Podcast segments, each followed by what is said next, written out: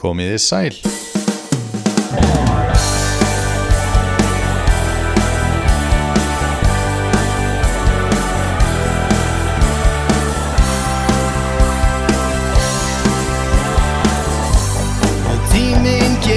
Í þættinum í dag tala ég við mann sem er margt til listalag, meira segja náðan að kenna mér á gítar. Þetta er engin annar en Jón Hilmar Kárasson sem eitt sem var líst sem best geimta leindamáli íslenska tónlistar.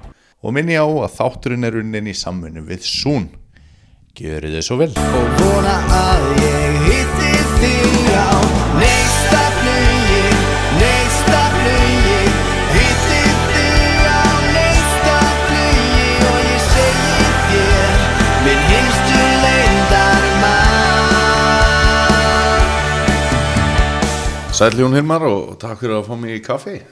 Bara vertu velkomin Daniel Þannig að ég er nú að svona einhverju leita halinu upp í þessari blokk hérna.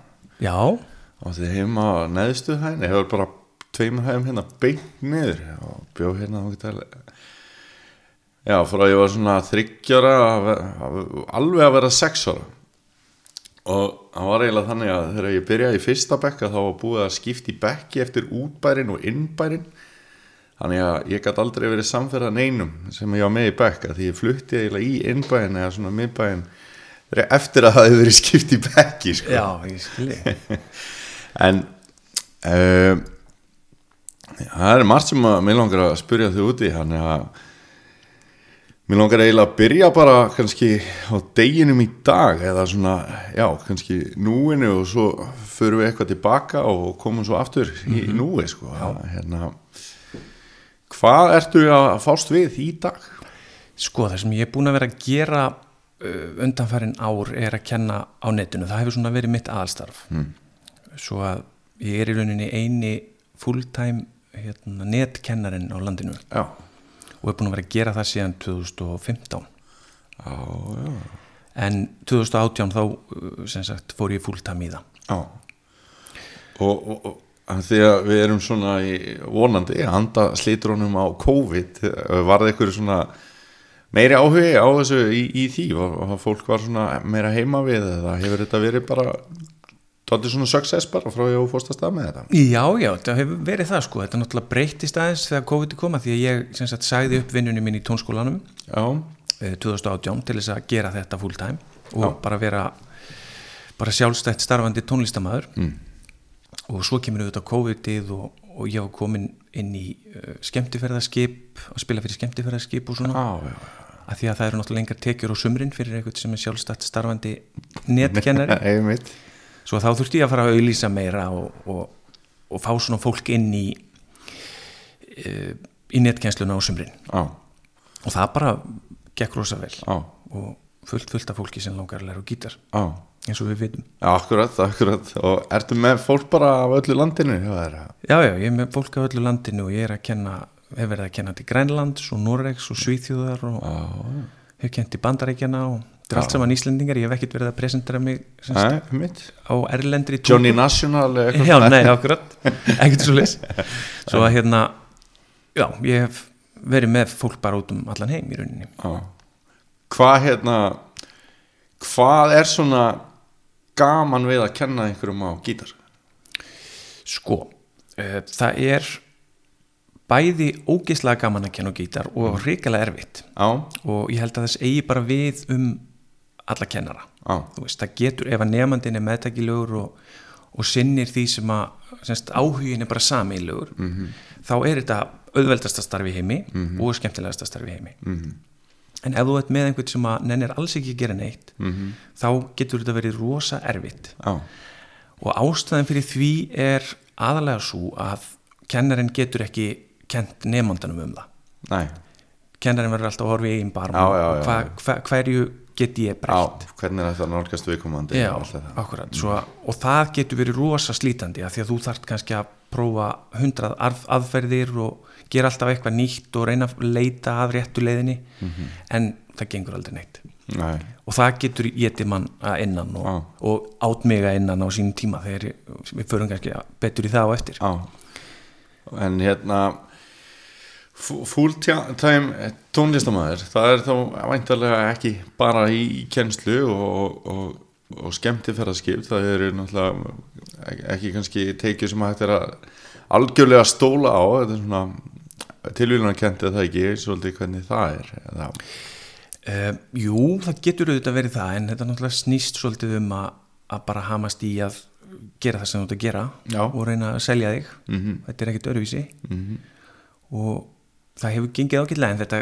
eins og í sömar sko, þá var ég með tíu semst, skemmtifæraskip já, ok eða semst, tíu sama skipið stundum já, skilurðu. já, já, já, já. en hérna og svo bara mánuði áður en að fyrsta skipi kemur þá er bara ringt og sagt þeir eru hætti við. Svo þetta er mikil óvisa í þessu. Já. en það er alveg hægt að lifa af, af því að vera tónlistamæður þó maður sé á Östurlandi sko. Ertu búin að vera mikið í svona skemmtana og balbransa núna? Já, já, ég, það hefur alltaf verið Þetta, þetta er kannski kom, núna kannski fyrst komið af stað eftir þetta COVID eða ekki, það var svona í var svona massa apríl sem við byrjuðum að sjá bara, já já, nú er þetta svolítið svona farið á flug. Já, það má alveg segja það. Já, en já, já, við erum með hljómsveit og, og erum að spila út um allt. Já, með ýmsum söngurum við erum semst bara með hljómsveit sem að og við fáum semst bara hinn og þessa söngara með okkur. Og, og erum að spila eins og ég segi út um allt. Já, ok Herri, ítum þá bara á, á tímavélina og, og þegar Jón Hilmar er ungur pjakkur á, á Norrferði, hvenær ferðu svona að munna eftir þér og hvað áttur heima og hvað varst að bralla sko eins og ég sagði þér Daniel þá hérna, þegar þú hafði samband við mig þá var ég svona pínu býttu nú við ætti nú að vera að mæti í þetta því að ég er svona grautarhau sko. Ég man ekki Nei, nei, en eh, en ég er komin aftur út á bakka þar sem að svona mín æsku ár voru. Já, ok. og þau voru á já, og síðasta sumar fór ég að stað með tónleika sem að héttu Hinsegin Jón Hilmar Hinsegin. Ok, þar sem var að gera hlutin aðeins öðruvísi heldur en gerir vennilega ok. Og þá var ég að segja svolítið frá því frá æskunni og, og svona af því að ég fer stundum hérna upp í fjall með hundi minn og horfið þá yfir marbakkan Já, og það var svo ótrúlega margt sem gerðist á marbakkanum já, og ég var meiri sér að fara að hugsa um daginn sko af því að leiðarljós síðustu tökur og leiðarljósi voru Já. um daginn, guiding light Já. það er alveg spurning hvort að maður ætti að starta þú veist, nýju, nýrri þáttaröð á marbakkanum Já, ok. og segja bara frá hvað var í gangi þar í gamla dag já hvað var meðal annars í gangi? sko það var, það var náttúrulega gata alveg, í hverju húsi var uh, stór snillingur sko uh, og á alls konar máta Einar Ágúst var hérna efstur og Grímur Magg og Sýbila -hmm. Sævar Mór og Guði Blik. -hmm. og Guði er hérna ennþá. Og svo var ég og, og hérna Maggi Sig Magnús. Uh, og svona held þetta bara áfram og Stengrimur, þetta var svona hópur sem við vorum þarna. Og uh, vorum mikið saman. Uh, og þarna byrjaði hljómsveita brasið og, og allt svona. Já, en hvenar ég mann fyrst eftir mér sko, ég, það er örgulega bara á bökkunum -hmm. og mögulega á ruslahaugunum sem að voru þarna fyrir neðan bakkana sem var náttúrulega algjör æfintir að heimur sko.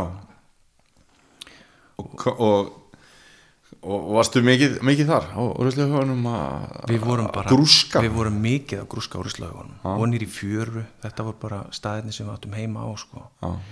Og þessi hópur sem að var mest saman uh, voru Steppi Galli var þarna og Stengrimur Stefáns ok, Kristján já, uh, og svo Kalli Einars Más og Helgu.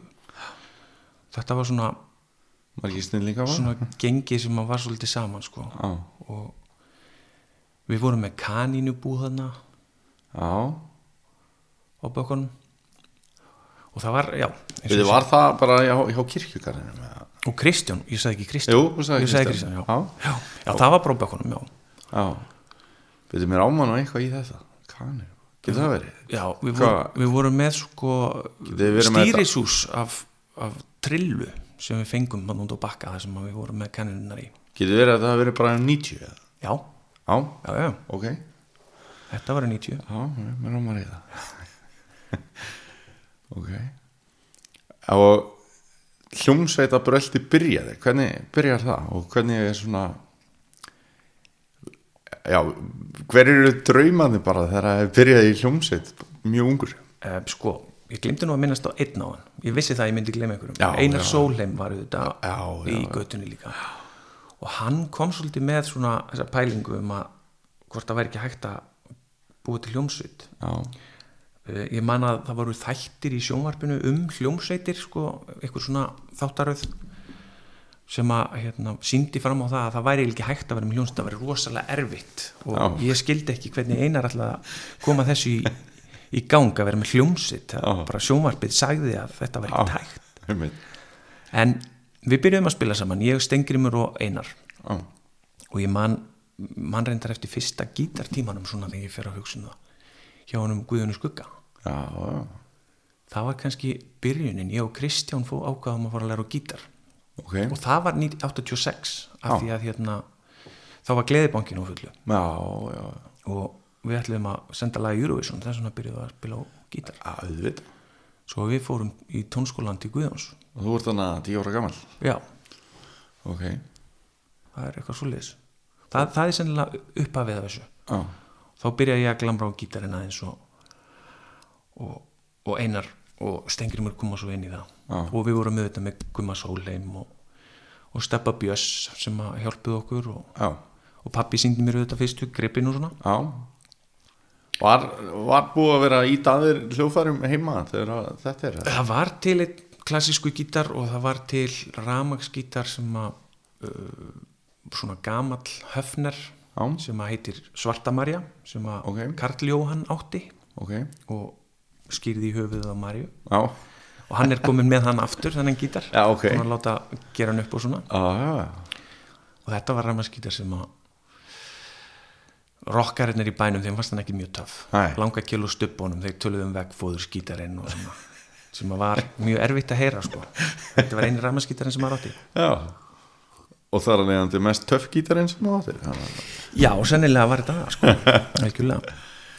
En tónskóla starfi á kannski svona þessum tíma það er væntalega verið mikil gróska og, og svona alvöru típur þarna að kenna og mikil líf. Hvernig, hvernig var þetta? Það fer bara svona Þú ert að meina þegar ég byrja að, já, byrja að kenna? og, Nei, þegar þú byrjar að læra. já, þegar ég byrja að læra, já. og, og svona næstu ár á eftir eða, hel, helstu í tónskóla alveg lengi eða, Nei, ég, við Kristján erum þarna í einn vetur held ég. Já, og þá hættum við að því að við sáum ekki fram á að Eurovision-lægið væri neitt að fara að koma. Æ, þú veist, við vorum bara að spila þarna á klassískan gítar eftir nótum. Já, og hérna og okkur leist ekki alveg á þetta. Kristján var líka, svona ég náði þessu aðeins áttu auðveldur að mér að ná þessu heldur en Kristján. Já svo hann svona slitnaði fljótt út úr þessu. O- ok, og svo hættu við bara. Já en, já. En það, ég man svo sem ekkert mikið eftir þessum tónskóla tíma því ég var að læra þarna sko. En þarna voru hlöðversmári var í skólanum þarna og, og ekki auðvitað. Einmitt. Ég held, ég man ekki hvort að Egil var komin aftur Já, frá hannafyrði mhm. En þetta var hann voru við í, hérna, var skólinn staðsettur í sem sagt uh, útendanum á gamlu, gamla já, niður í kjallaranum þar. Ok En e, e, maður tengir samt eitthvað svona tónskólan nám hjá þér eða hefur einhvern veginn heyrt um að þú hefur mikið lært hjá þresti eða, já, svo byrja ég aftur að læra og þá fer ég til þrastar. Já, þá var ég komið með flottari ramaskítar og svona og, og læri hjá þresti. Já Þannig að þú ert ekkert í raun og veru mikið í, á gítar kannski í svona barnæskunni? Þetta er þá frekar tekur við bara þegar þú verður sko, ég, Eldri, ég eða? fekk uh, alvöru ramaskítar í fermingagjöf. Ok, og þá fer þetta svolítið af stað. Já, þá fer ég að æfa mig eins og brjólæðingur og, og spila fullu. Já, það er eiginlega besta sem einhver getur gert þegar hann er að byrja að læra eitthvað er að fá þráhyggju fyrir því. Það er eina leið. Ef þú ætlar að vera virkilega góður í því sem þú ætlar að gera þá verður þú bara Já, að taka þráhyggjuna sko. Mér ekki aðeins að grípa inn, inn í það. Þú hefur svona í þinni nálgun að sem kennari verið að tala kannski, mætti segja svolítið gegn náðagáfinni já, þá máli segja það. Já, útskýrðu það eins Já, það, þetta er sem sagt hæfileiki er ofmetin, já, færni er læranleg. Það, þetta er svolítið þannig sko. Það geta allir lært uh, næstum því hvað sem er. Einmitt.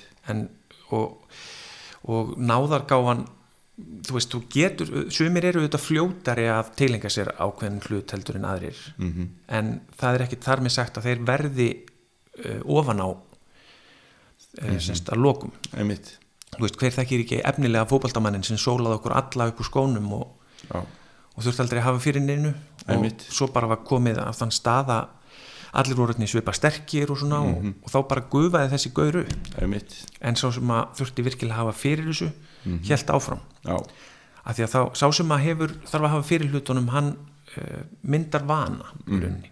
Já, þú veist, ef þú ætlar að vera góður á gítar og bara segir ég ætla að vera góður á gítar og æfi mig á hverjum degi þá ertu komið með vana. Og þú æfir þig á hverjum degi. Já. Frekar heldur en að geta tekið gítarinn upp og, og spilað bara. Mhm, ekkert mál, tekið hann svo aftur upp í næstu viku þetta er jafnlítið mál. Mhm, og því fer jafnvel aðeins fram og, og svona. Mhm. En þetta snýst svolítið mikið um það að, að koma þessu inn í rútínuna og, og halda áfram. Ekki hætta. Mhm. einmitt það er maður hefur lendið því að vera einhvers staðar að svona glamra í einhverju partí og eitthvað og svo kemur einhverju á djöfn þar ég til ég að kunna á gítar maður? Og maður segir já en væri við til að læra það? Þú veist, gefa þér einmitt þennan tíma sko. nákvæmlega að því að svona að því að Veslumannahelgi er framundan og, og margir sem að tengja hana við gítarspil og, og söng og svona að, að að vera svona fær í að geta tekið þátt í gítarpartíi það er ekkert eitthvað, eitthvað brjálaðislega vinna sem er þar að baki. Þú eru nári getur einhver lært bara svona þessi helstu grip og getur verið með bara amól og G og þá ertu komið tíndukynsluðuna og það var alveg svakalega gaman í kringu þið sko. Já, já, þannig að mann finnst einhvern veginn svona, já, einmitt synd með akkurat þetta að fleiri láti ekki bara vaða að ná svona þessari grunnfærni sko. mm þetta er eins og ég segi oft uh, líka að hérna, ég hef aldrei hitt neitt tónlistamann eða einhvern sem kann á gítar sem sér eftir tímanum sem hann sett í ljóð það er ekki til. Nei, það eru allir þakklútur fyrir að fyrir að æfa sig. Veist, þeir kannski þurfa að draga sig á stað á einhverjum tímapunkti Já. en það eru allir þakklútur fyrir að, að nenna. Já.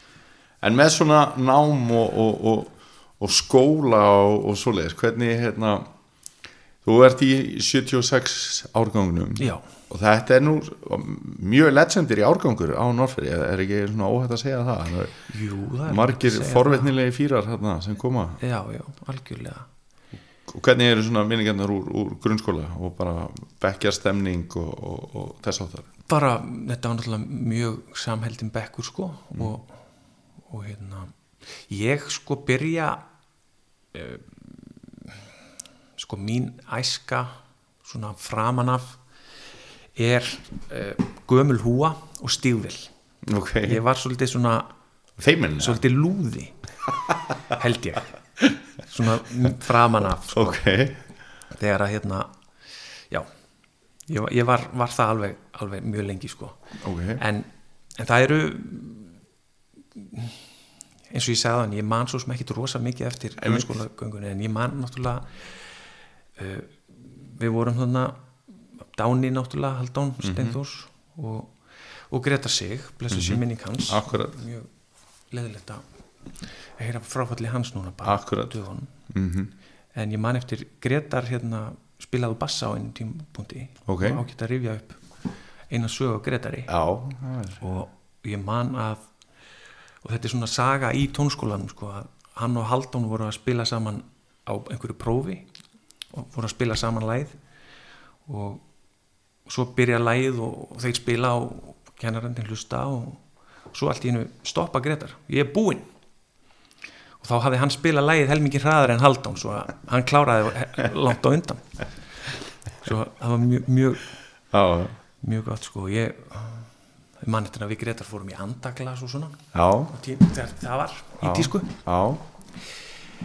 Það var, er, er ekki óvægt að segja það var svolítið svona tíska hjá þinni kynslu, þetta nær og að takmarka eitthvað kannski til okkar um að prófa þetta eitthvað svona en maður heyriði mitt að þetta hefði verið svona árunum undan svona rosa dæmi á Norfri þetta, þetta var bara internetið okkar já, já, bara tjekka á einhverju og fara í andaglas já.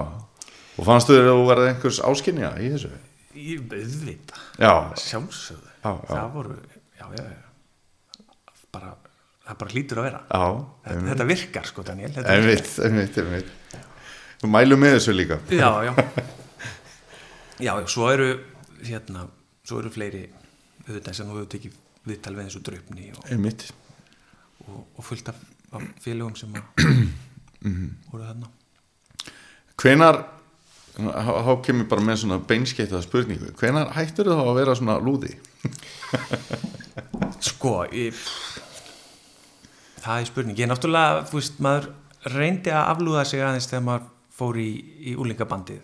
já, Þú veist, maður var náttúrulega, á meðan maður var að spila á gítar allan daginn, þá var maður náttúrulega svolítið lúði, af því að maður gerði aldrei neitt, maður var bara að spila. já, En svo stopnum við þarna uh, hljómsveit sem að heitir hétt Neandertalsmennir. þjálfnafn Já, ég, Stefán Arason, Einar Sólheim og ég man ekki hverju fleiri voru í því bandi en ég man allavega eftir þeim. veitu hvað ákvað spiluðu þá annarkvort Stefán eða Einar Hinni trommaði, hinni trommaði örugla, Einar var á hljómborð já, og Dani, nei, hann, hérna, Stefán söng já, já, og já, ég spilaði á gítar. já. En það var nú ekki kannski tilefni til þess að aflúða sig mikið þá sko. Þetta var ekki töffara band En svo hérna Svo Svo fór þetta út í að hérna Ég var fenginn til liðs við uh, Kjela og Snorra Hall og Jón Knút og Fjalar og Sigga Óla já, í svona eh, svaka band. Já.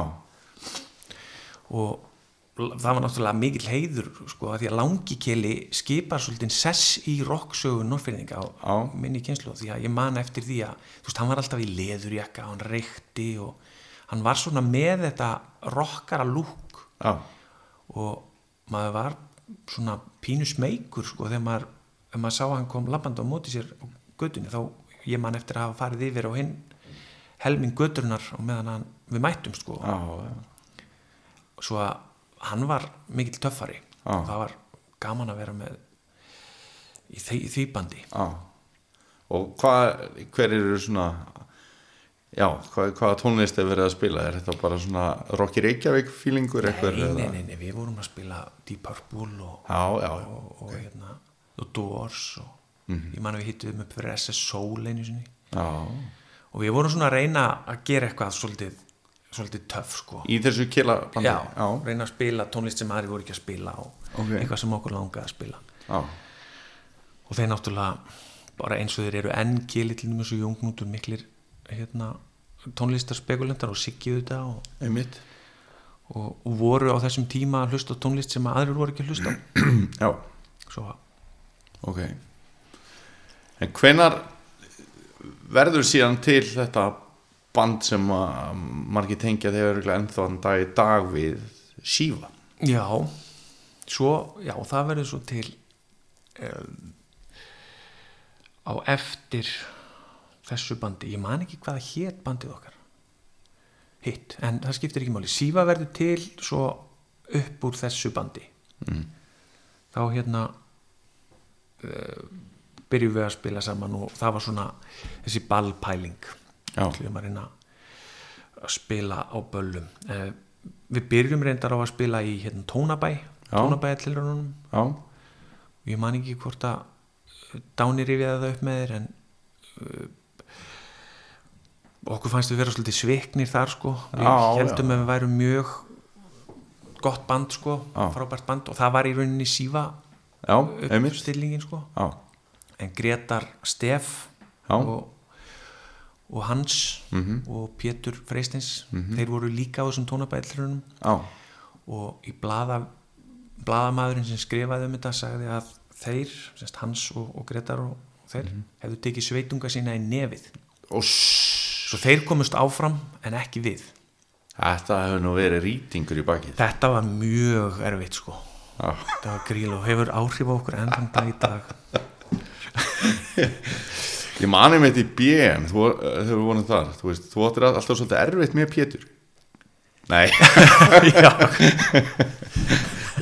En, en með þess að músiktilurinn eins og á þessum tíma veist, og, og, og, og væntarlega bara en aft, já ég held að músiktilurinn hafi svona náð sér aftur á strik. Þetta var, tók kannski það var það ekki alveg af svona legendary um, um tíma en þarna er þetta ekki bara veist, þarna fara menn með risadrauma.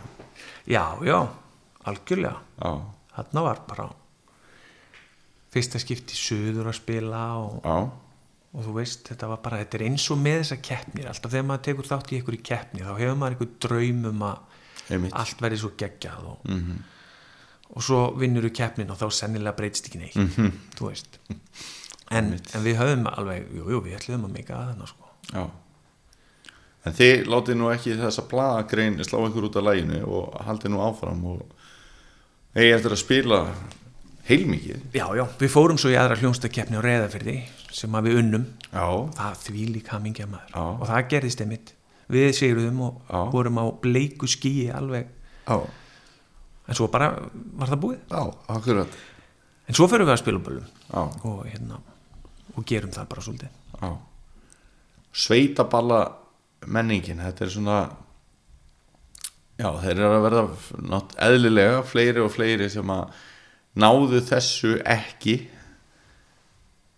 Hvernig var þessi tími? um, Bæðið svona sem ballgestur og að spila og... já. Sko, hann var náttúrulega þannig að flesti byrjuði að drekka rosa ungir. Já, og kannski hel, helst það í hendur við sveitaböllun, ég veit það ekki. Já, þú veist það er svona eitthvað sem er dettur í hug. Mm en þetta var bara bara flottu tími sko. Algjörlega, mikið fjör og, og já. Já, já. En uh, hvort að hérna ég veit ekki alveg hvort að sveitaböllun séu að því það er alltaf talað með þessu útdauð. Það hafa bara breyst svolítið. Já, ég var nú að spila núna bara fyrir tveim vikur síðan á alvöru sveitaballi og vopnafyrði, hofsballi já, sem var 16 ára aldurstakmark og flöskuball og já, bara alveg allt eins og í gamla daga sko. en haga sér allir aðeins betur ég. held að margt það er breyst þegar sterka vek fyrir bjórnum. Já, bara til þeim með súpereyting og að fólk náttúrulega byrjar miklu setna að sulla í þessu var það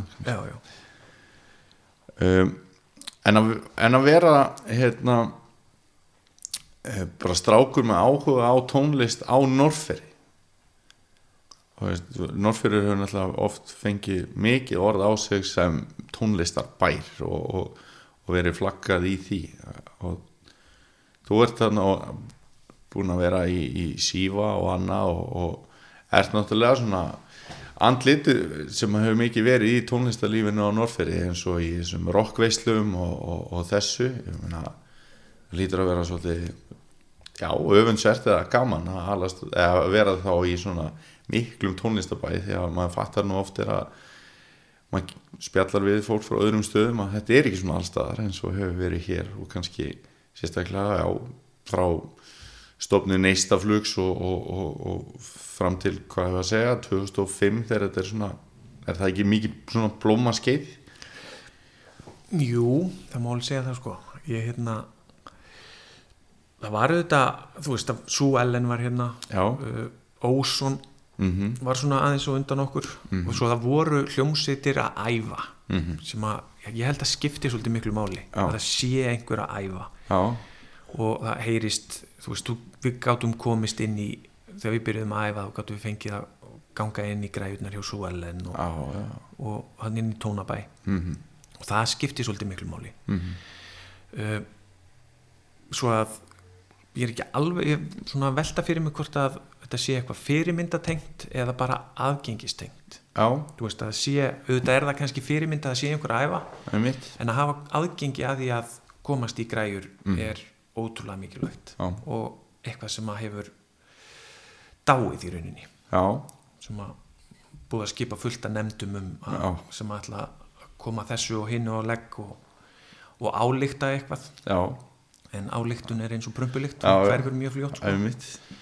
en uh, já, ég held að þetta og svo hérna komst maður inn þegar maður sérstaklega þegar maður fór að kenna í tónskólan þá svona fór maður að umgangast akka og, og, og þetta gengi meira Mhm. og rockveislunar auðvitað mm skipulaðir í tónskólanum og, og það má alveg segja þessi blómaskeið uh, svona upp undir 2005 eins og segir sko. Mhm. en í rauninni byrjar þú veist minn tónlistaferill kannski ekki alveg þarna sko. Mhm. hann byrjar svolítið setna Mm. Hvernig þá? um, sko ef við, ef við förum bara aðeins yfir tónskóla fyrirna því að það er náttúrulega svolítið breakthrough. Já, algjörlega. Veist, og, og kannski bökkum bara lengra því að Mhm. uh, Mér langar að skjóta einni sögu sem getur kannski verið einhvers konar upp á að því að, já, að við vorum að tala um þrösta á hann og, og hann þóttir náttúrulega ansi lúkin spilari og he- he- heyrði maður sögur af því bara hvað hefur verið gaman að læra hjá honum í tónskóla og svo leiðis en það var, gekk svona sag ég mann þegar ég var bara krakki og, og hérna og þú ert að koma svona svolítið, já, svona fram kannski að einhver leiti sem svona gítarleikari bæjarins og ég, ég segi nú bara svona stærri orð og hann er með talað um sko, já, Jón Hilmar ég, er svona það er alveg að vöru mér að segja hver sagði þessu sögu en, en hérna, ég skal segja það ég er búin að íta á stopp. Að hérna hún sagði mér sko hérna, já, hann Jón Hilmar hérna, hann fór í tónskólan hjá Þresti og hann var nú ekki búin að vera lengi þegar hann var honum betri heldur en þröstur. Þetta var svona, þóttu svona ægilega merkilegt að, hann var í nefandi sem tæki ansið hratt fram úr kennara sínum. Já. Sko það sem ég, þetta var auðvitað ekki svona. Málið er, málið er þannig sko, að þegar þú ert með nefnda sem að er eh, algjörlega grillaður af gítarleik og æfi sig og æfi sig og æfi sig, og æfi sig. þá getur nefnandinn alveg lært eitthvað stykki sem að kennarin getur ekki spilað nema að æfa sig líka. Já, já, já, og ég tók alveg nokkur svoleiðis lög sko, sem, að, sem ég lá yfir alveg í vikum saman Mhm. uh, og, og lærði bara og gætt spilað bara þokkarlega Mhm. en ef að þröstur hefði alltaf að spila þá hefði hann þurft að sitja vinnuna í að, að læra lægið og æfa Mhm. sig á því og, og kennarinn kannski, hann þarf ekkert að gera það nei, akkurat, akkurat svo að þá getur alveg komið upp svo mynd að nefnandinn sé betri að því hann sé að spila eitthvað rosa rætt og flott sem að, Já, já. sem að kennarinn er ekki að spila já, já. en það að vera góðu gítarleikir er svo miklu meira heldur en að geta spilað eitthvað eitt flott lag eða tvö. Já, já, já, akkurat, akkurat. og þess vegna er alltaf þessi umræða um hver er bestur og svona, hún er svolítið erfið. Mhm. af því að uh, já, það er bara það er svo margt sem að gítarleikari þarf að vera góður í til dæmis eins og bara það sem ég er að gera. Uh, ég get ekki spila lögin til dæmis sem ég var að spila hjá þresti núna Já, nema að leggja hellingsvinnu í það. Já, já, já, og myndi sennilega taka mig bara mjög langan tíma já, af því að núna er ég, þarf ég að sinna svo mörgum verkefnum, ég er að spila á dansleik með Stefáníu Svavars og þarf að læra prógramið hennar -hmm. og svo er ég að spila með rannveigu fyrir ferðamenn -hmm. uh, og þarf þá að spila á kassagítarinn og læra eitthvað allt öðruvísi -hmm. svo maður þarf að kunna og vera með svo marga stíla svona undir puttunum -hmm. svo að, já, það er Þá ertu ekki að spila Perfect Strangers á meðan. Nei, Nei. En já, að uppáðunum og breakthrough í tónskólanum. Já, sko uh, ef við förum bara aðeins aftur á bak mm. að því að ég og Heiða byrjum saman náttúrulega mjög ung sko. Já. hún var 13 og ég var 15 Já, og þá, þá kannski svona fara stífilina að þetta af svona upp úr því sko. Ok, og svo kemur hljónsta bröldu og allt það og, og við erum saman hann og, og svo á, líða nokkur ár og þá ákveður þröstur að hætta í tónskólanum, hann er að flytja til Danmerkur. Já, já. Og það gengur ekkert að ráða gítarkennara út á land eins og oft er. Einmitt. Svo að Akki og Þröstur bóða mig á fund og spyrja mig hvort að ég vilji vera gítarkennarin og á þessum tíma var heiða að spá ég að fara í gullsmíði til Reykjavíkur og var búin að vera agitarverð því, ég var búin að sækja um í FIH Ok, og hérna þetta kom sér mjög vel að ég fengi kennarastöðuna þarna á þessum tíma því að ég komst ekki inn í FIH Já, ok. Þú veist, gítarhetjan bæðins Já, og ég sagði ekki neinum frá þessu ég fekk bara, sko, ég sendi kassettu söður já, og fekk svo svar og ég hendi þessu bara í ruslið sko. Þetta var náttúrulega algjört rótlög já. Og hérna komst reyndar síðar að því þegar ég fór að spila með Bjössa Tóra. Hann saðist muna eftir því að ég hefði sendt kassettu og það var ekkert hlustað á alla kassettunar Já, þú veist það voru margir sem komu í áhörundanpröfur já, og það var ekkert endilega hlustað á kassettunar Æ, nei, nei, nei svo að það er smá, smá vona það hefði komið fyrir hjá mér.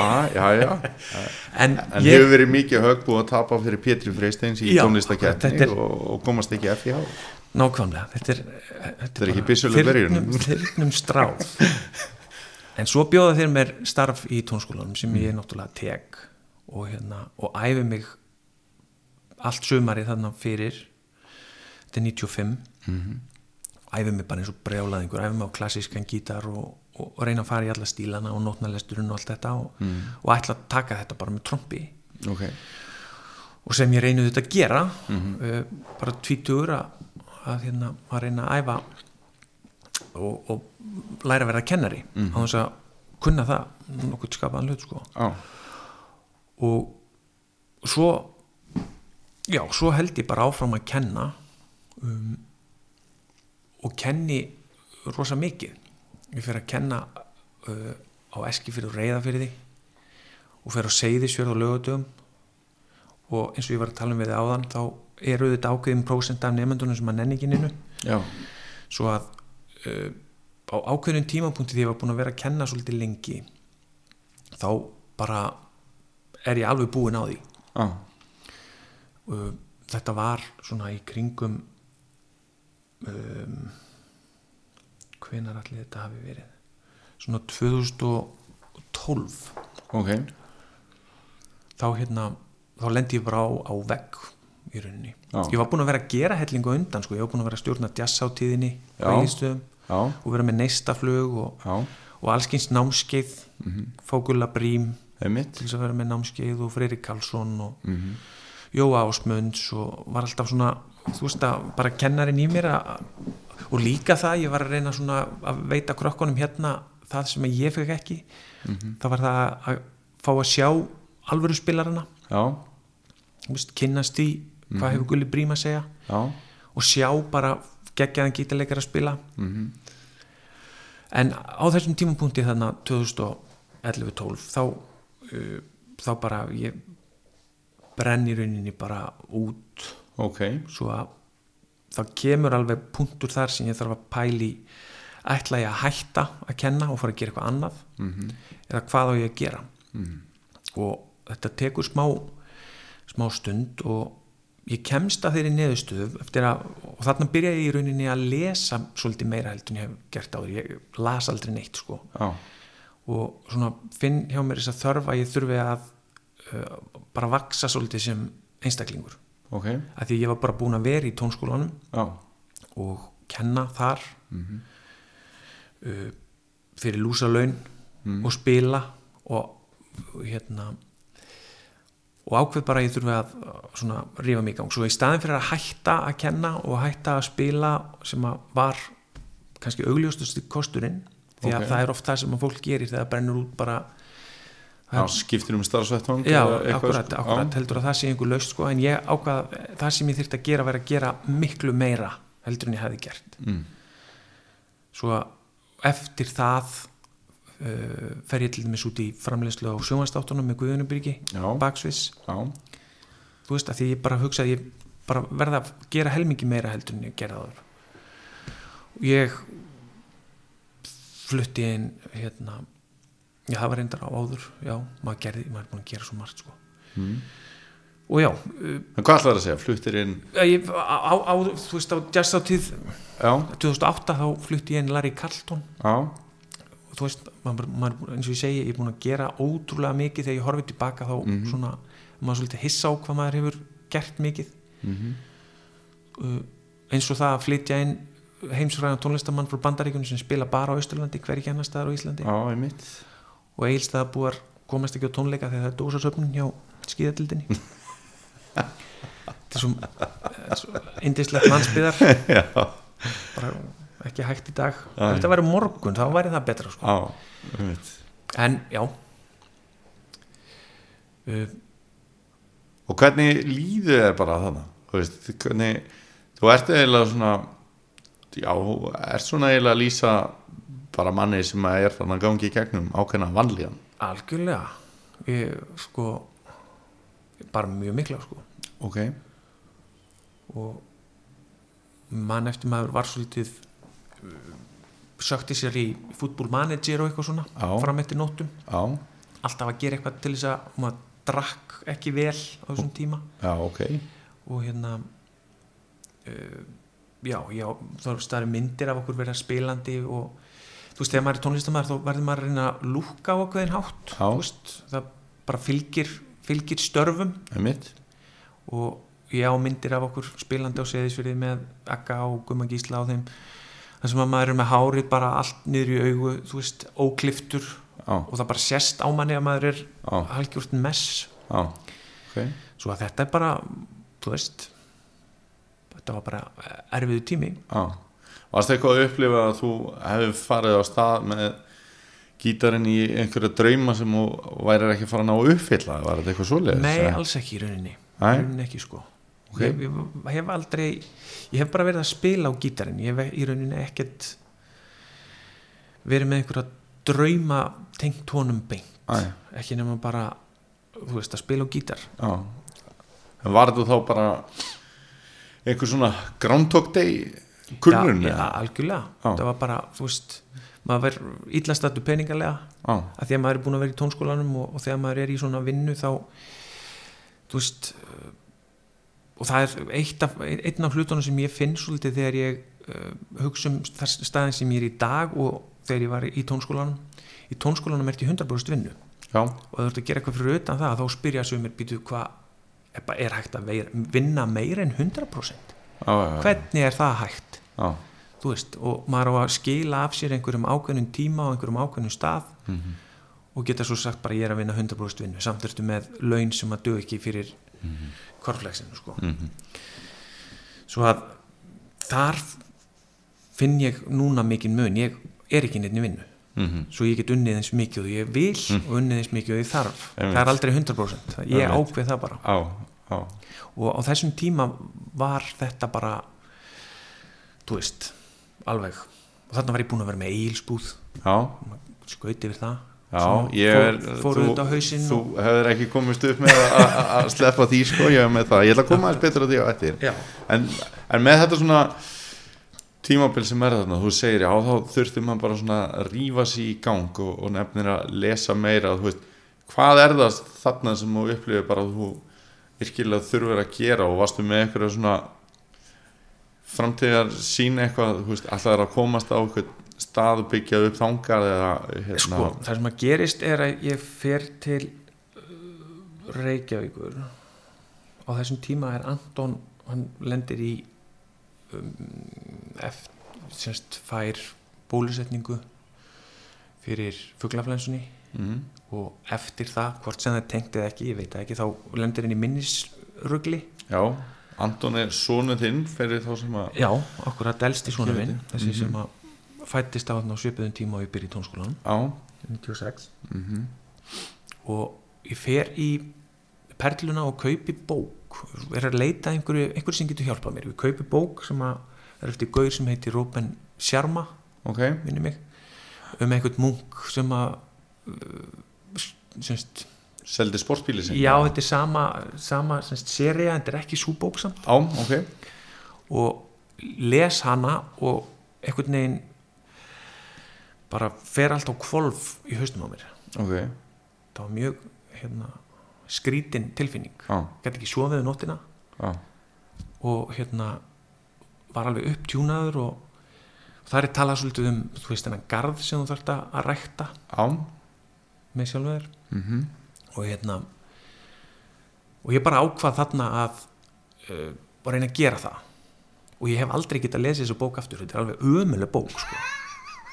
ég hef reynd að glugga aftur í hérna en hún er bara, bara léleg sko. en Já. hún, hún hitti mig einhvern veginn á bara á réttum tíma já, þú veist og hérna og, og eftir það bara fer ég að eyða tíma og pening í að menta sjálfa mig og byggja sjálfa mig upp sko já, sem að er svo þú veist það bara vex og vex og ég ákvaði að reyna að fara að gera eitthvað á netinu og, mm. og svo kom hittust við Guðjón Birgir við vorum nú aldrei neitt sérstakir mátar við Guðjón Birgir eða ekki, Mhm. þú veist á okkur tíma. Man að hann kvartaði einhvern, einhvern tíman undan því við bæjar að ég færi að nota dót úr tónskólan já, og ok það var svona smá en svo kynnist við betur og förum að vinna rosa mikið saman og, og hann reyfni hvetur mig til þess að fara að vinna sjálfstætt. Já, það er eiginlega honum að kenna. Já, það stóru leiti sko. Já.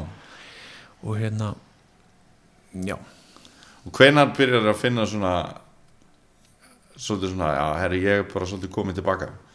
Bara strax þannig sko. Eftir, eftir þessa nótt. Ok, þá bara er ég með augun opinn mm. bara og eftir þetta fer ég að vakna klukkan 5 á mótnana til dæmis skrifa Ok. okay. dagbók og byrja að skrifa gítarbók ok, og hérna og er bara all in. Já, og hérna kennslan, ég fór að bara líta öðrum augum á kennsluna. Þú veist, þetta, þetta snýst alltaf svo mikið um, um viðhorf. Já, þú veist, það getur hjálpa manni rosa mikið í svona kulnun bara hvaða viðhorf ertu með gagvart vinnunni þinni. Einmitt. Þú veist, þetta þarf ekki að vera flókið. Mm. og ég breytti því. Mm. fór að hætta að hugsa um, um mig. Ef að nefandin, nefandunum gekk ekki vel þá hætti ég að hugsa um mig sem lélegan kennar allir já, já, já, já, já. þú veist að að það er alltaf það sem að ef þú ert með nefanda sem á erfitt með að læra Mm og þú ert með að kenna honum þá endar með því að þú segir bara, þetta lítur að vera þú veist að þetta er þér að kenna sko, já. horfir á það þannig Já. og, þá lítur þú að vera lélugur já. reynda þúsund nefnendur sem ha- hafa náðu þessu og fundið skaman en þessi eini, hann er að segja mér að ég sé lillegu kennar já, já, já, akkurat. Veist, þetta er, þetta kemur ekki alltaf heim og saman sem Nei, að nei, fer nei, í gegnum gollin á nei, nei, akkurat. Þessi baksviðstættir þetta er hérna þar er þetta að hitta þjóðþekta tónlistamenn og, og já, og líka minna þekta og, og, og svona forvitnast um e, í raun og veru já, bara hvernig þeir hátta sér sem tónlistamenn og, og svona hvernig dagurinn gigdagurinn er Mhm. og svoleiðis hvernig, hvernig var þetta verkefni? Þetta var mjög skemmtilegt, þetta var eftir eina bókina sem ég las sem að hérna var fleikt fram þessari hugmynd að uh, til þess að komast lengra. Og þetta vera svolítið þekktur. Mm -hmm. svo okkur ekki búið til sjónvastátt Mm svo á leiðin í vinnuna þá hugsaði ég okkur, okkur býð ég bara ekki til sjónvastátt já.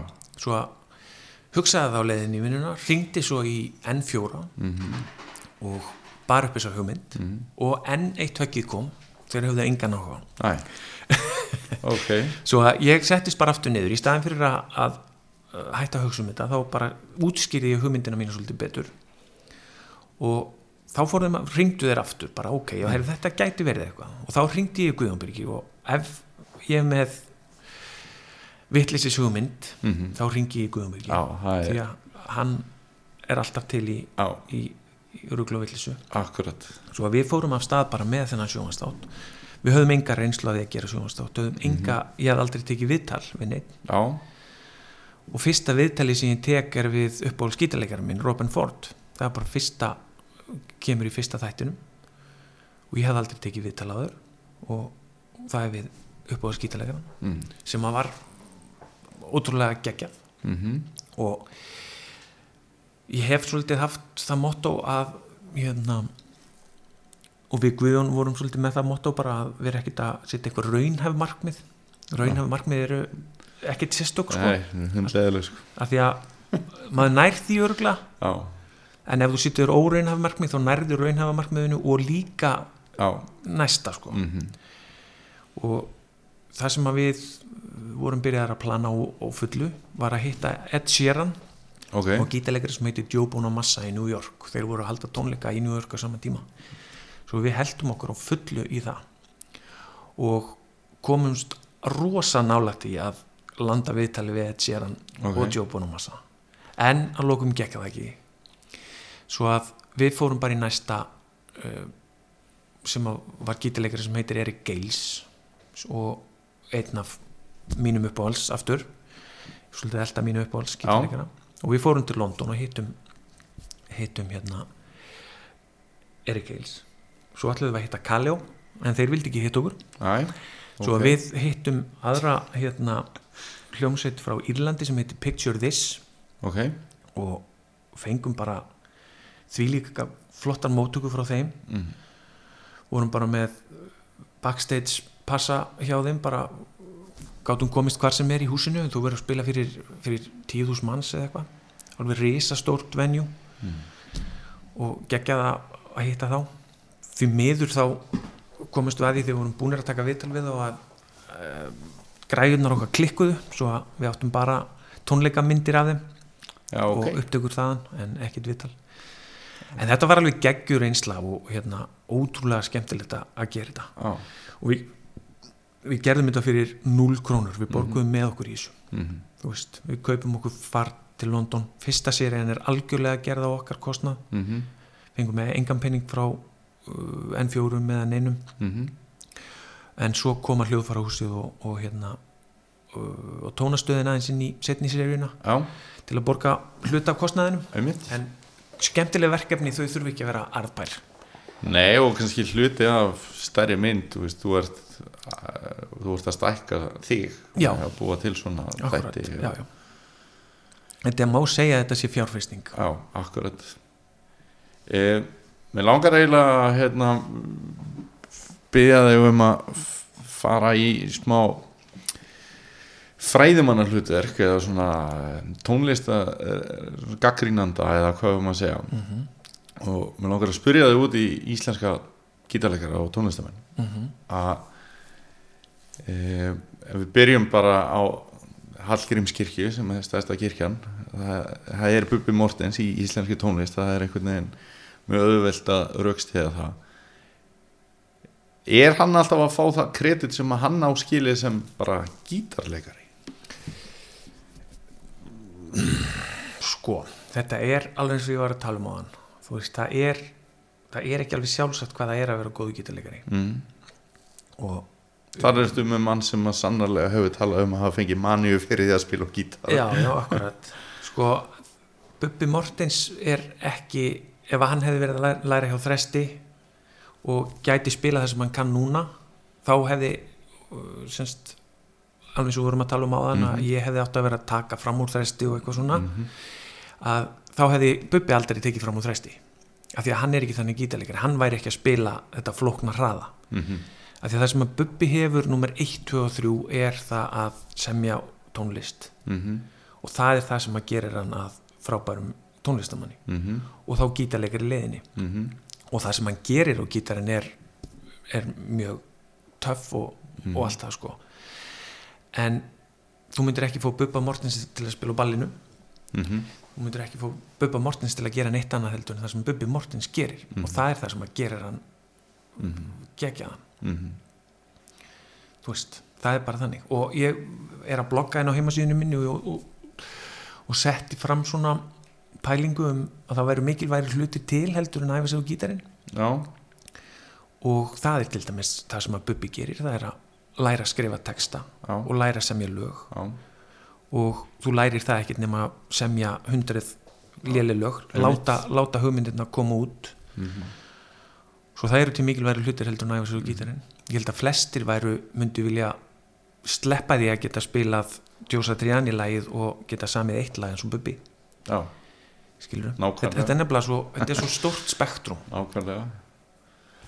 Hver er svona af þessum íslensku svona þinn uppáhalds þú veist ef að þú gæti farið hérna annarkvort nýri eigilsbúð eða nýri kirkju og, og horfa á gítarleikar að spila og, og já og þess vegna syngja ef að það er það sem að þú myndi velja. Og mætti bara taka einn íslenskan mm sem að er svona þekktu fyrir að koma fram með gítar og sko eh, eftir Backstreet þættina þá fór ég að staða núna 2020 með viðtöl við og, og svona þætti sem ég kallaði 2020 leir þar sem ég tek viðtöl við alla uppáhalds skítaleggarana mína á, á svona podcast formi og, Já. og á YouTube.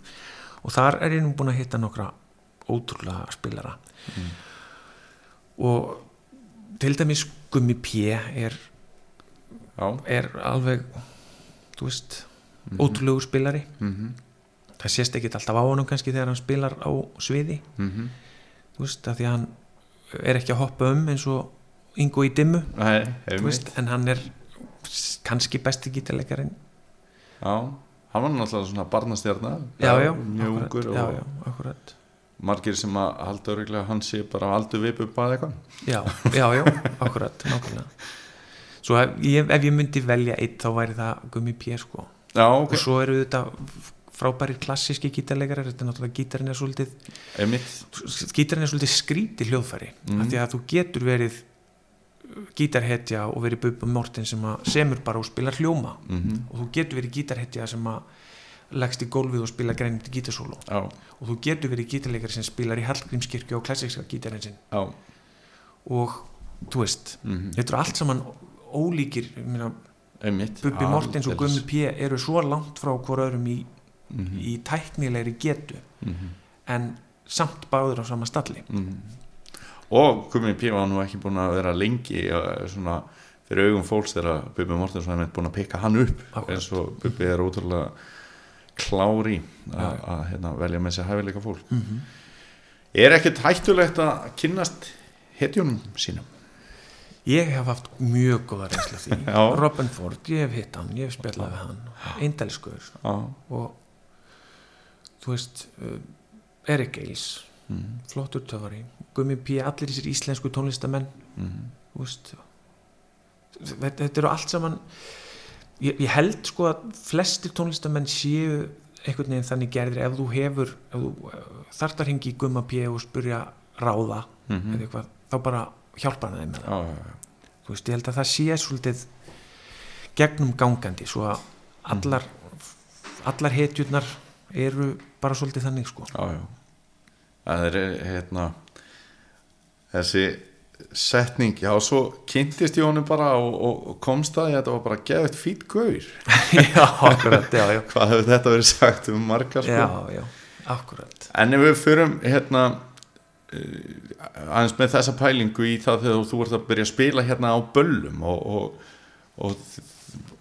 og, eins og með brján apparatið og, og, og það að meina hérna var bara hægt að, að mæta með hvert sem er og, og er eiginlega ennþá bara í dag að mæta með hvert sem er landstæktan og hér var bara hljómsveit sem var bara klár með öll lögin sem að viðkomandi alltaf að syngja og og eh, mér skjáttast ekki þá kallaði Björki Haldós þetta heimamig já, akkurat hvernig var að- að svona byrja að taka þátt í þessu að vera alltaf inn að spila hérna böllum og svo er bara að koma landslið hérna að syngja og, og, og þú gítarleikar í svoleiðis bandi með vinniðinum sko. já, já, þetta í rauninni sko gerist aðeins í brjánverkefnunum en þetta byrjar í rauninni ekkert fyrir en eftir það Já. ekkert fyrir en eftir að við Guðjón byrjum að spila saman og, og vinna saman mm -hmm. þú veist, þá fyrir við að mynda hljómsveit sem að fær alla til að spila en fyrir það, jú, jú, ég var svo sem það var kannski áður en við vorum með hljómsveit. Ég hef náttúrulega verið útrúlega heppin að spila með uh, bara eiginlega öllum söngurunum á Íslandi. Já, og, og, og tónlistamennunum Rúna Júl og Bjartmari og, Mhm. og Raka Bjarna og, og öllum þessum hetjum sko. Og, og eftir að við Guðjón byrjum að vinna saman svona upp úr 2014-15 þá förum við að, að, að, hérna, að vinna meira með svona fólki. Já, og í rauninni má segja kannski þetta að við byrjað með eskju tónleikum sem að eskja ákvaða að halda þar sem við fengum Eil og Lars og Raka Bjarna og Ernir Hönn og Matta ok. og Guðrun og Gunnars til að koma og syngja með okkur. Já, settum bara, gerum flott sjó. Já, og svo upp úr því förum við bara að þú veist við erum með jóla tónleika alltaf Ég hoppa kannski úr einu í annan. Já, um að gera er jólatónleika, við fórum til dæmis túr í kringum Ísland með Eiríki Haugsinni og Reykjunu Ósk mm -hmm. hérna, um árið. Það já og það, já, akkurat og hérna já, við erum bara þú veist, reglulega að spila með svona besta tónlistafólkinu sem að er ótrúlega skemmtilegt sko. Og bara gaman að, að því að þú þarft að mynda ákveð tröst til þess að spila með hverjum sem er í rauninni, að þú getur hringt í Siggu beint eins og sagt við hana heyrðu, við erum með verkefni, getur verið með? Þú veist, hún þarf að vita hvað mm hvað hún er að fá. Svo við höfum náða að byggja upp bara ágætis uh, svoleiðis grunn. Já, við getum hringt í hvert sem er og, já. og fengið hann með okkur svona yfirleitt. Rocksjóin Já. sem að hérna voru sett hér upp á hausti og svo var ekki svona uppskriftin að, að þau voru sínt hérna á hausti og svo að fara í janúar, februar á Broadway já, já. Hvað, hérna, hvernig var þessi tími? þetta var bara bara skemmtilegu tími sko og já já, bara skemmtilegu tími í rauninni Já. Ég, hérna, þetta var þú veist, þarna voru við þetta er, þetta kristall svolítið í þú veist, þarna var þetta meira áhuga mennska alltaf, Akkurat, þú veist, þegar ég horfði tilbaka þá var, Einmitt. þetta var áhuga mennskan sem að breytist svo yfir í meiri atvinnumennsku já. þarna upp úr þessum tíma þarna. Mm og, en þetta var rosa gaman alltaf sko. Já, alveg, og tróðfylla Broadway. Já, og já, voru þúsund manns á Broadway eða eitthvað já, og bara ótrúlega skemmtilegu tími. Já. Ertu aldrei stressaður fyrir að koma fram? jú, hvert einast skipti, Já, algjörlega. Okkur er það því? Sko, og þetta er partur af þessari vinnu sem ég þurfti að fara í sko, af því að ég var, var alltaf í gegnum allt rockveislu tímabilið og allt þetta þá var maður eiginlega svona leittur áfram. Og, og ég var í rauninni eftir ég byrjaði í tónskólan þá læti leiða mig bara í gegnum lífið. Veist, það er rockveisla þarna og ég fer bara í það það er írska sjóið þarna og ég fer bara í það og þú fær borga tíu skall og ég bara tek því og, og hérna og held semst, fer bara áfram þannig og hérna og eh, ég man ekki hver spurning var. Með stressið? með stressið, já, akkurat. Og svo fer ég að taka mig á. Og hérna uh, og fer að spila svolítið einn. Og það er annað sem ég þarf að taka mig í gegnum það er söngurinn og þetta allt sem Já, ég byrja mjög seint að syngja já. af því ég bara þorði því aldrei. Mm og gætu þetta ekki sungið eins og svo margir Já, segja við sjálfan sig, þú getur, þú getur þetta ekki. Mhm. og uh, sem sagt fer að koma einn fram bara með gítarinn. Og í fyrstu skiptin sem ég geri það að það var ótrúlega erfitt. Mm. Úst, af því að þú ert búin að æfa þig alveg kannt allt sem þú ætlar að fara að gera Mhm. bara easy heim í stofu Mhm. svo er bara fimm minnur í að þú ert að fara á svið þá byrjar að handa svona, Já. þú veist, eins og Já. maður gerir og lóðarnir byrja að svitna og, Mhm. og maður þarf að læra inn á þetta Mhm. hvernig stjórnar maður þessum tilfinningum Mhm. eins og með bara allar svona tilfinningar sem maður fær sem, bara allar hugsanir sem maður fær þú veist, af því að hausin á mér er alltaf er, hann er alltaf að segja við mann þú getur ekki ekki gera þetta, þú veist alls konar rugl í haustum á manni sem að maður flestir hlusta á Mhm. en maður þarf að læra svolítið að, íta hugsununum í burtu að því að hérna það eru þær sem að skapa já. vandræðin og allan kvíðan og, og allt þetta Mhm. og maður heldur alveg innstinni að maður ráði ekkert við hugsanirna sko, þetta sér, sért þú Já, svo að ég þurfti svolítið að taka mig á þarna og, og fljótlega eftir byrja ég að, að syngja, ég menn þetta í fyrstu æfingunni sem ég söng á og skjálfandi veist, með með félögum hérna og þá var sko 2000 og 2013 eða eitthvað. Þetta er svo, svo stutt síðan sko. og ég man eftir að einn fór fram til að hlæja sko, og þú veist, ég þurfti að taka mig saman í andlutin til þess að gera þetta aftur já. þú veist, af því að hugsaðan voru komnar um leið bara, getur þetta ekki, hættu þessu Hver fór?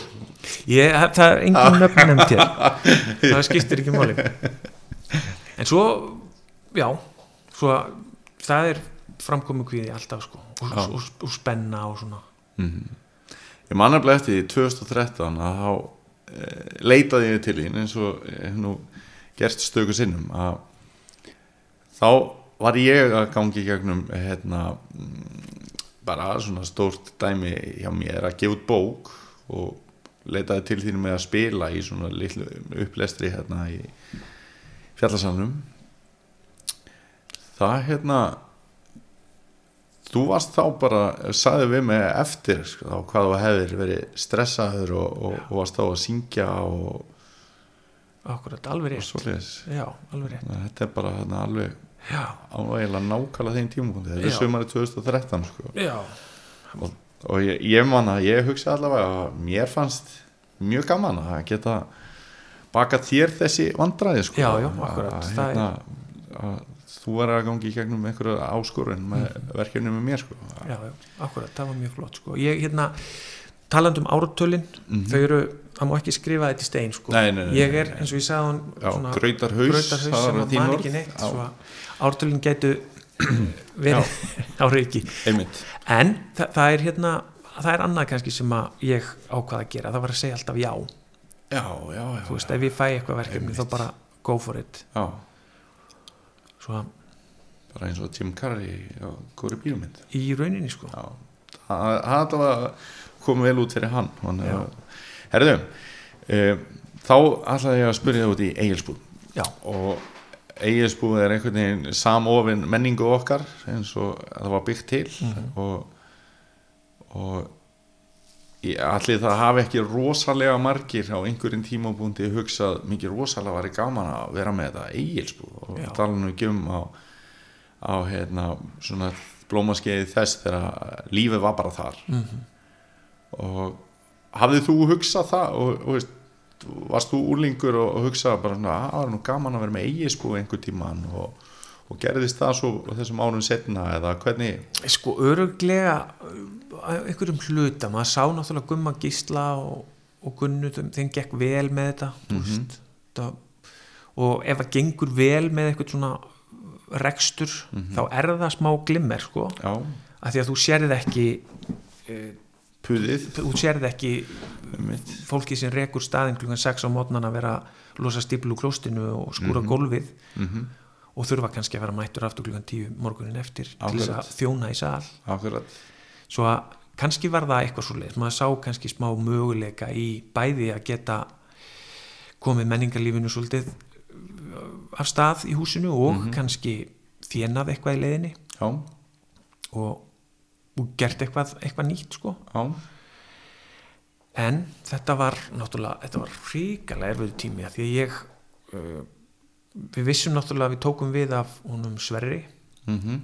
sem að gekk ágætlega með þetta var kokkur sjálfur. Mhm, og við komum inn í þetta bara alveg blöyt bak veirun Mhm. eins og með mjög margt. Þegar þú sé við það er þú og heiða, Heiða, já. já, einmitt hérna, mjög margt sem ég tek mig fyrir hendur þá veit ég ekkert hvernig á að mér finnst þú svo gott að auðlýsa fyrst og spá svo í já, hvernig ég ætla að framkvæma akkurat. En við tökum við þessu og ráðum til okkar kokka og, og hérna og höfum hálitar hugmyndir. Mhm. fáum góða hjálp frá fjölskyldunni til þess að koma húsin í stand. Mhm. og náttúrulega í neðun ísli í rauninni sko.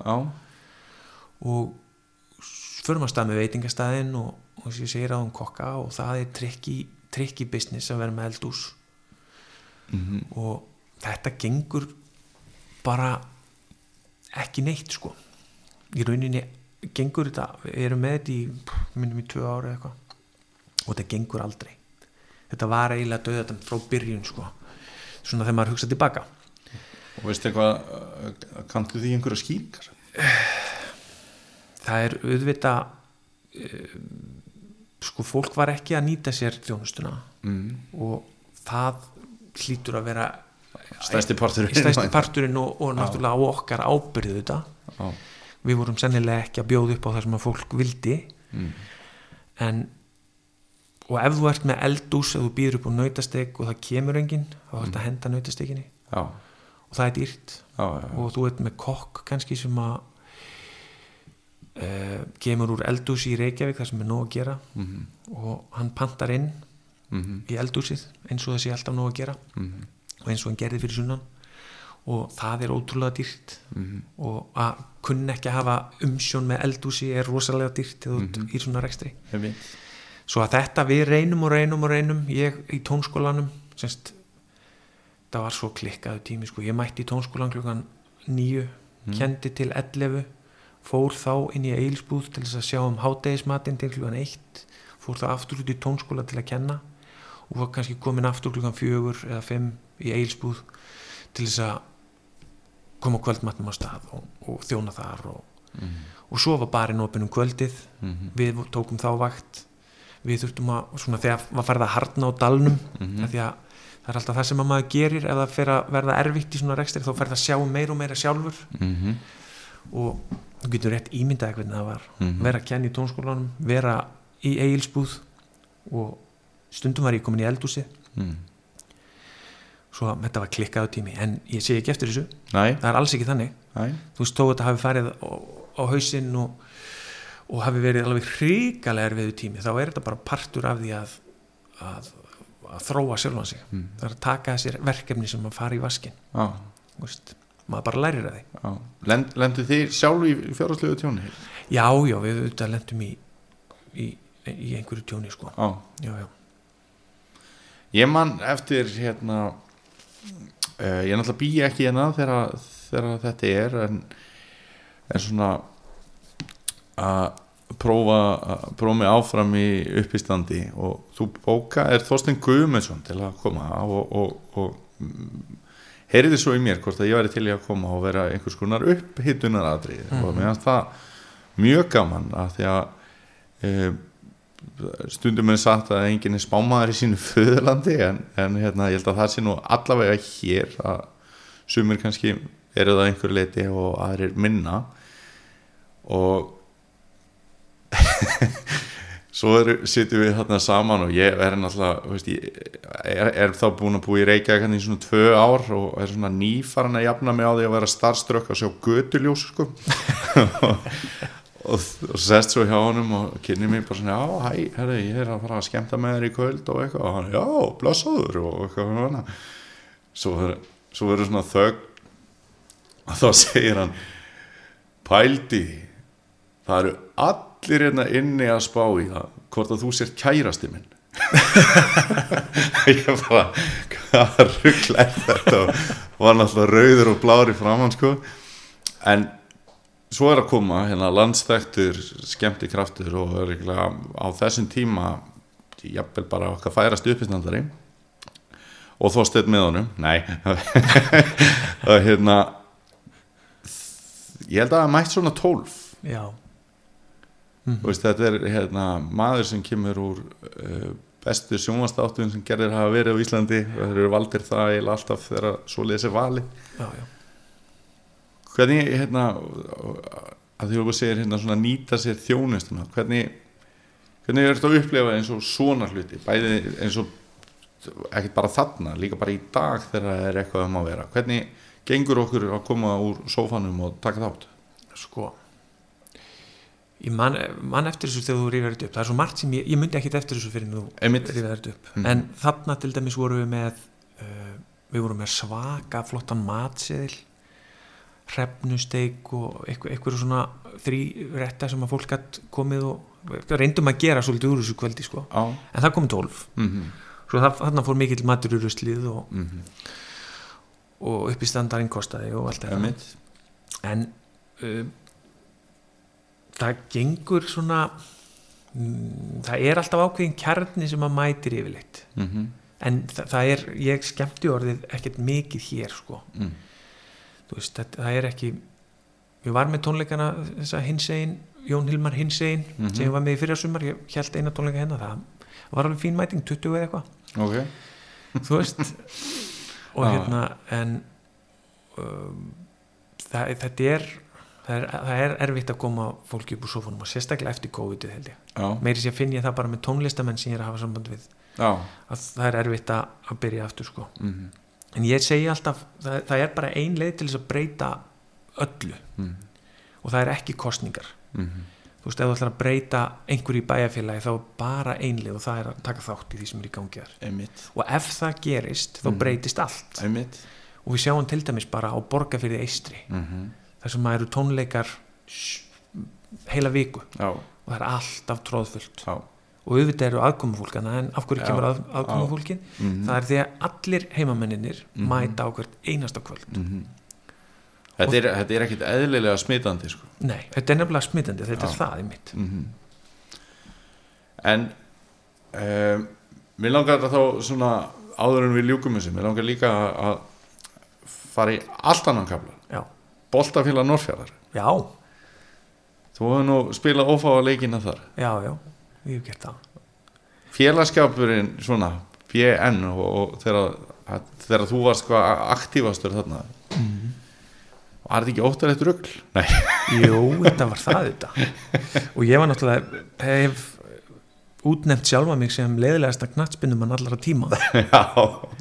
Þú veist það er bara svo leiðis ég, ég held að þú ekki verið dómara indi nei, bara þú veist, hver er anstæðan við hversmanns indi já, akkurat, akkurat. Nei, ég var, var alveg hrikalega leiðilegur. Og þetta er líka bara tíminn hann sem að sem ég er ekkert í besta standinu, þú veist. Ok, þú veist ég hefði ég verið búinn að taka mig svolítið í gegn á þessum tíma þá hefði ég ekki verið svona leiðilegur. En þetta var útrúlega skemmtilegt samt þú veist, Já. við þvæl, þú veist það var bara svona svona eins og bara fólk sem að þekkir pjastablöðin Einmitt. þekkir, þú veist og geggjað að hafa gefið þau út Mhm. á þessum tíma. Nú þórum við því ekki lengur. Næ, þú veist að því að það má ekki þú veist við erum bara hrættur um að að ákveðið grín komi illa við einhverja og farið þá á Twitter. Já. Því að, því að svoleiðis gaggrinni fyrir á Twitter víst. Um, en þetta var ótrúlega skemmtilegt. Mm, og ýmsar sögur sem að maður mann úr BN sko, eins, eins og þegar ég eftir, þú veist það var einu sinni á Eyðum var brjálæðar en ég sko. Og í hinuleginu, alveg sjóðu vittlust og dómarinn hefði engin tök á honum og hann spa- sparkaði menn niður og hæri vinstri. Og ég lísti því yfir við dómarinn sko að ef að þessum myndi ekki linna þá færu við út af þá bara færi liðið og við bara hættum þessum leik sko, þetta þýtti ekkert. Já, og svo held þetta bara áfram. Og ég sagði dómarinn, ok, nú er þetta bara búið. Nú, nú förum við út af. Svo ég lappaði út af og held að væri allir að koma með mér. Svo þegar ég leit við þá var ég einn komin út af hliðalínu það og allir hinnir í báðum liðunum horfðu á eftir mér lapp út af. Svo ég svona hristi þetta bara að mér og já en það er líka hérna er ummæli hérna sem maður langaði að nefna þá með, með tuði sem er nú fræg eftir já, já, veistu hvað ummæli er að fara hef grunum hvað þetta fara að segja sko. að það var mikið búið að gaggrina þig að, að þú væri að tuða svona. Og þú bendi viðkomandi á að, að hvernig var það, ég tuða og þú ert ljótur já, þetta var eitthvað neins margt sagt í hita leiksins. Já. en er þetta ekki líka bara oft þannig að, að hérna, með fótbolta að